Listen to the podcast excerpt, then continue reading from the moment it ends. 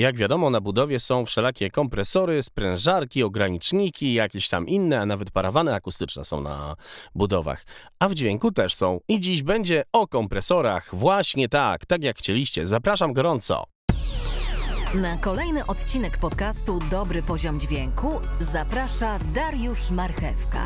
Cześć, witam Was bardzo gorąco w kolejnym odcinku podcastu z cyklu Dobry Poziom Dźwięku. Zgodnie z Waszą prośbą i zgodnie z moją obietnicą spróbuję Wam dzisiaj opowiedzieć bardzo podstawowo o kompresji dźwięku, o kompresji dynamiki tego naszego pięknego dźwięku w taki sposób, abyśmy wszyscy zrozumieli podstawowe pojęcia e, związane z mm, właśnie kompresją. Czy mi się to uda? Nie wiem. Nie wiem, bo to jest bardzo trudny temat tak naprawdę. Dlatego, że ustawić kompresję mm, wbrew pozorom, zwłaszcza w dzisiejszych trendach i w dzisiejszym zastosowaniu, jest bardzo łatwo. Hmm, dlatego, że mm, no co, do czego dzisiaj się tą kompresję stosuje w muzyce, w dźwięku, w miksie? Do wokalu, do gitary, do instrumentów różnego kalibru. Yy, niby tak jak kiedyś, ale trendy się, słuchajcie, lekko zmieniły. E, zmieniły się też kompresory, zmieniły się wymagania użytkowników, zmieniły się oczekiwania. Producenci sprawili nam e, takie ułatwienie w postaci tego, że interfejsy tych narzędzi w postaci pluginów są dużo prostsze w użyciu i dąży się do tego już od jakiegoś czasu, że za pomocą jednego pokrętła tak naprawdę jesteśmy w stanie zrobić wszystko, albo prawie wszystko. Ale wobec tego, po co mówić o kompresorze? Po co mówić o tych wszystkich parametrach? Zdecydowanie łatwo podróżować po świecie kompresorów, skoro o nich będziemy mówić. Jest po prostu trochę łatwiej, dlatego że jak zrozumiemy ten język parametrów, jak będziemy wiedzieli, do czego to służy, to wbrew pozorom, jak e, kupimy sobie wtyczkę, która właśnie będzie miała jeden czy dwa pokrętła, ale producent opisze nam w instrukcji obsługi, e, że na przykład e, jedno pokrętło łączy w sobie taki a taki parametr, czyli łączy w sobie na przykład dwa parametry o nazwie takiej a takiej, a drugie pokrętło o nazwie takiej a takiej, to wiedząc, co oznaczają te parametry, zdecydowanie więcej wyciśniemy z e, tego pluginu. Tak jak e, pisałem na grupie na Facebooku, mm, Dobry poziom dźwięku podcast. Zapraszam do dołączenia na tę grupę. Dobry poziom dźwięku podcast. I zacząłem zaczytywać się w internetach, żeby przygotować się troszkę do tego podcastu. No, chciałem pomóc sobie, chciałem też pomóc Wam. E, właśnie w wszelakie artykuły na temat kompresji. Myślałem, że po prostu znajdę tam coś mądrzejszego, no ale nie znalazłem. Jedyne co sobie zapamiętałem, to ktoś napisał w pewnym artykule, że kompresor e, jest wzmacniaczem dźwięku i służy do tego, by uchronić nas w naszym sygnale dźwiękowym od przesteru. Nic bardziej mylnego i bardzo proszę, żebyście czasami nigdy nie e, zapamiętali takiej definicji. Kompresor nie służy do uchronienia nas od przesteru i nie jest wzmacniaczem dźwięku. I tu pewnie Was zaskoczę, bo kompresor nie służy do wzmocnienia dźwięku, co nie znaczy, że nie zastosujemy go do tego, by nie wzmocnić dźwięku. Mam tu nawet notatki, które sobie, słuchajcie, specjalnie dla Was napisałem, jak w szkole. Sam sobie je napisałem. Usystematyzowałem sobie wiedzę sam. No ale dobra. Co robi kompresor? Słuchajcie, to powiem Wam tak. Będzie mi to trochę trudno wytłumaczyć, dlatego że jakby mnie ktoś obudził w nocy i powiedział mi, jak ustawić kompresor pod wokal, to ja mu bez problemu strzelę kilkoma opcjami. Oczywiście one nie będą w 100% działać, ale będą kilkoma punktami wyjścia. Jeżeli mi tylko powie, jaki to wokal, jaki gatunek, naprawdę nie muszę tego słyszeć, ja mu to powiem. Owszem, mm, może to nie brzmieć, ale, ale facet będzie mniej więcej wiedział, jak, jak, co zrobić później, tak? Nie będzie jak to się mówi, y, nie, nie będzie takiej pustki. Natomiast ciężko mi teraz to wytłumaczyć, jak to zrobić, jak, jak wam to wytłumaczyć, ale spróbuję. Generalnie, co robi kompresor? Kompresor y, jest procesorem dynamiki, który służy przede wszystkim do tego, żeby nasz dźwięk złapał oddech, żeby ten dźwięk nie był płaski, żeby on był jakiś, żeby on nabrał czegoś, żeby on nabrał powietrza. Mm, że w momencie, kiedy mamy, powiedzmy, yy, wokal, albo nie wiem, klaszczącego faceta, który sobie klaszcze, albo puka w stół, albo robi coś innego, to żeby to kompresor jest po to przede wszystkim, żeby nadać jakiegoś smaku tego, temu dźwiękowi. Kompresor jest po prostu kolejną przyprawą w naszej potrawie. Nie chodzi tylko o to, że kompresor ma nam dźwięk właśnie zgłośnić, że on ma nam ten dźwięk dowalić, dopalić. Oczywiście w kilku zastosowaniach e, to jest jego główna cecha, główna zaleta i główna funkcja.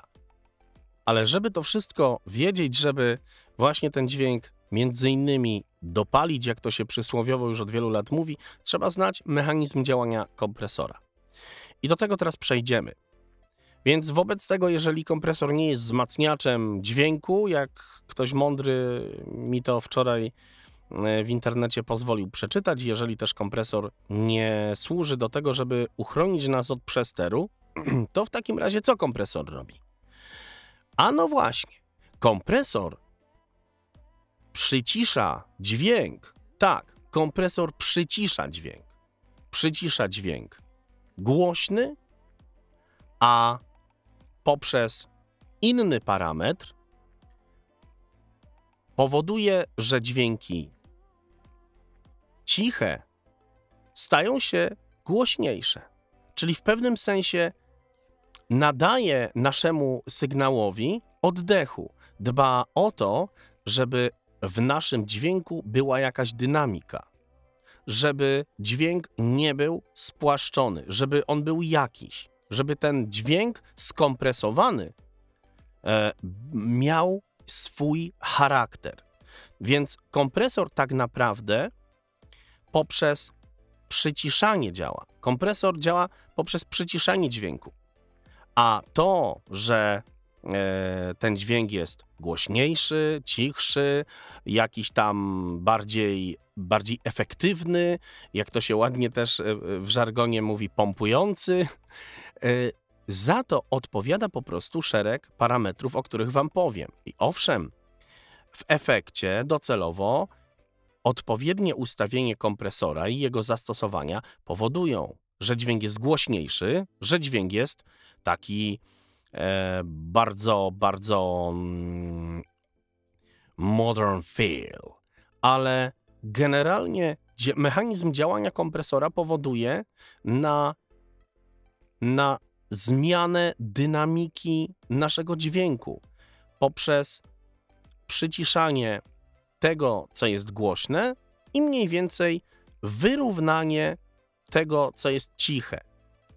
Ale żeby tak było, muszą być spełnione mm, pewne sytuacje, muszą być ustawione pewne ustawienia. Czyli nie jest to przyciszanie tego, co jest głośne w całym dźwięku i zgłaśnianie tego, co jest ciche w całym dźwięku. I tym różni się właśnie e, kompresor od e, takiej opcji, że tylko przycisza i, i, i tylko zgłaśnia. Teraz właśnie powiem, jakie to są parametry. Przede wszystkim najważniejszym e, elementem kompresora jest threshold, czyli próg zadziałania. I właśnie to jest parametr, który odpowiada za to, od kiedy kompresor właśnie ma cokolwiek z tym naszym dźwiękiem robić. Od kiedy ma y, nadawać nam tej dynamiki.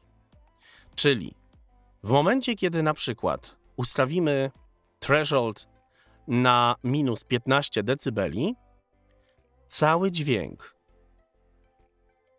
który jest mm, poniżej 15, minus 15 dB, będzie poddawany kompresji.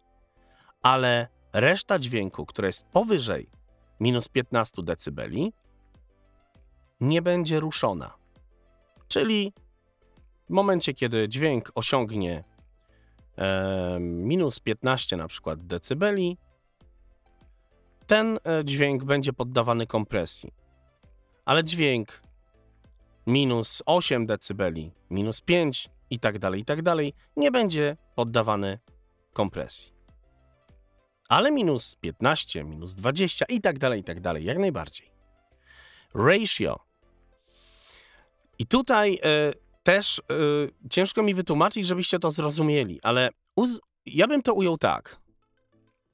Jest to głębokość kompresji określona na takiej zasadzie, Mm, proporcja ilości sygnału skompresowanego w stosunku do ilości sygnału nieskompresowanego. Na przykład, gdy sygnał osiągnie minus 15 dB, a ratio ustawimy powiedzmy na 2 do 1, to gdy kompresor usłyszy mm, sygnał naszego progu zadziałania, gdy sygnał osiągnie te minus 15 dB, kompresor zacznie przyciszać nasz sygnał dwa razy bardziej w stosunku do tego sygnału, jaki jest powyżej tego progu zadziałania. Kolejnym parametrem kompresora jest atak. A jak działa atak? A tak, że ponownie po osiągnięciu progu zadziałania, atak decyduje o tym, jak szybko e, zaczyna się cała procedura ratio, czyli cała procedura właśnie kompresji. I kolejnym parametrem kompresji jest release, czyli od momentu ataku, jak szybko e, kompresor powraca nam do punktu wyjścia, że tak powiem. To znaczy do tego dźwięku, z progu zadziałania. W zasadzie do tego dźwięku przed progiem bym powiedział zadziałania. Tak naprawdę to pompowanie właśnie między atakiem a releasem. Tak naprawdę właśnie to, czyli jak szybko atakuje, jak szybko puszcza. Jak szybko bije, jak szybko odpuszcza. Jak szybko boli, jak szybko przechodzi. No tak, słuchajcie, no tak jest to, tak jest to, myślę, najłatwiej wytłumaczyć. I myślę, że na tym ten odcinek zakończę. I powiem więcej, zostawię go takim, jakim jest. Zostawię takim długim, dlatego że myślę, że jeżeli ktoś z Was interesuje się rzeczywiście kompresją i chce dowiedzieć się, na czym to polega, powinien zdecydowanie posłuchać całego tego odcinka, zanim weźmie się za praktykę. E, dlatego, że to jest ważne, to co ja tutaj powiedziałem. Nawet jeżeli gdzieś się pomyliłem, to gdy przejdziemy do praktyki używania kompresora, gdy pokażę Wam na wokalu, na gitarze, mm, jak działa kompresja, zobaczycie, że na 100% tego, co ja wam tutaj powiedziałem, ogromny procent, to jednak chyba coś tam racji miałem. No dobra, trzymajcie się. Na razie.